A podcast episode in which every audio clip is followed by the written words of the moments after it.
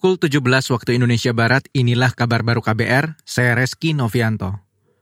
Pemerintah mengklaim telah menggelontorkan anggaran total lebih dari 3.000 triliun atau 3 kuadriliun untuk perlindungan sosial. Anggaran tersebut direalisasikan sejak 2015 hingga 2023. Hal itu disampaikan Presiden Joko Widodo dalam pidato kenegaraan di Kompleks Parlemen Jakarta hari ini. Di dalamnya Kartu Indonesia Sehat, Kartu Indonesia Pintar, KIP Kuliah, PKH, Kartu Sembako, serta perlindungan kepada lansia, penyandang disabilitas dan kelompok-kelompok rentan lainnya, serta rescaling dan upscaling tenaga kerja melalui Balai Latihan Kerja dan Program Kartu Prakerja. Presiden Joko Widodo mengatakan anggaran itu mampu mendukung keberhasilan program perlindungan sosial sesuai capaian tahun 2022.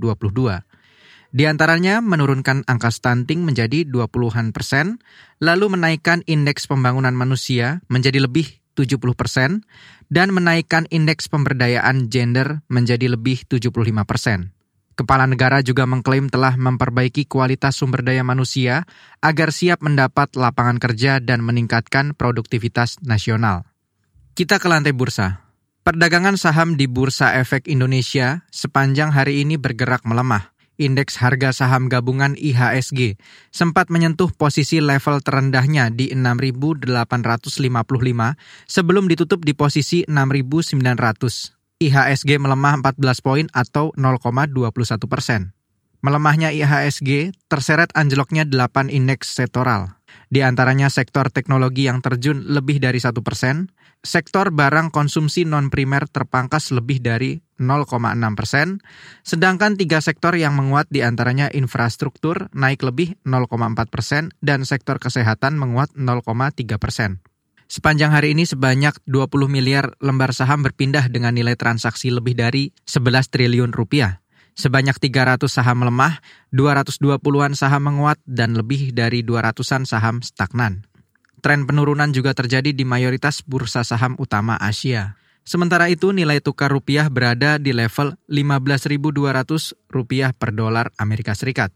Rupiah menguat hampir 70 poin atau 0,40 persen dari perdagangan sebelumnya. Kita ke informasi pemilu. Kabar pemilu.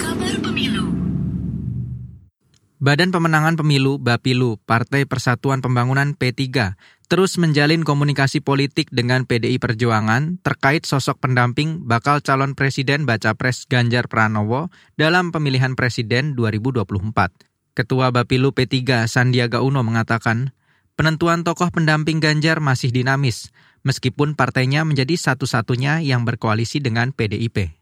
Saya ingin mengingatkan semua pihak, kemarin saya baru memberikan arahan di Bapilu, jangan kita memberi statement yang berpotensi nanti diartikan uh, bahwa kita kepede dan ini adalah proses bagaimana kita konsolidasi untuk terus dekat dengan rakyat.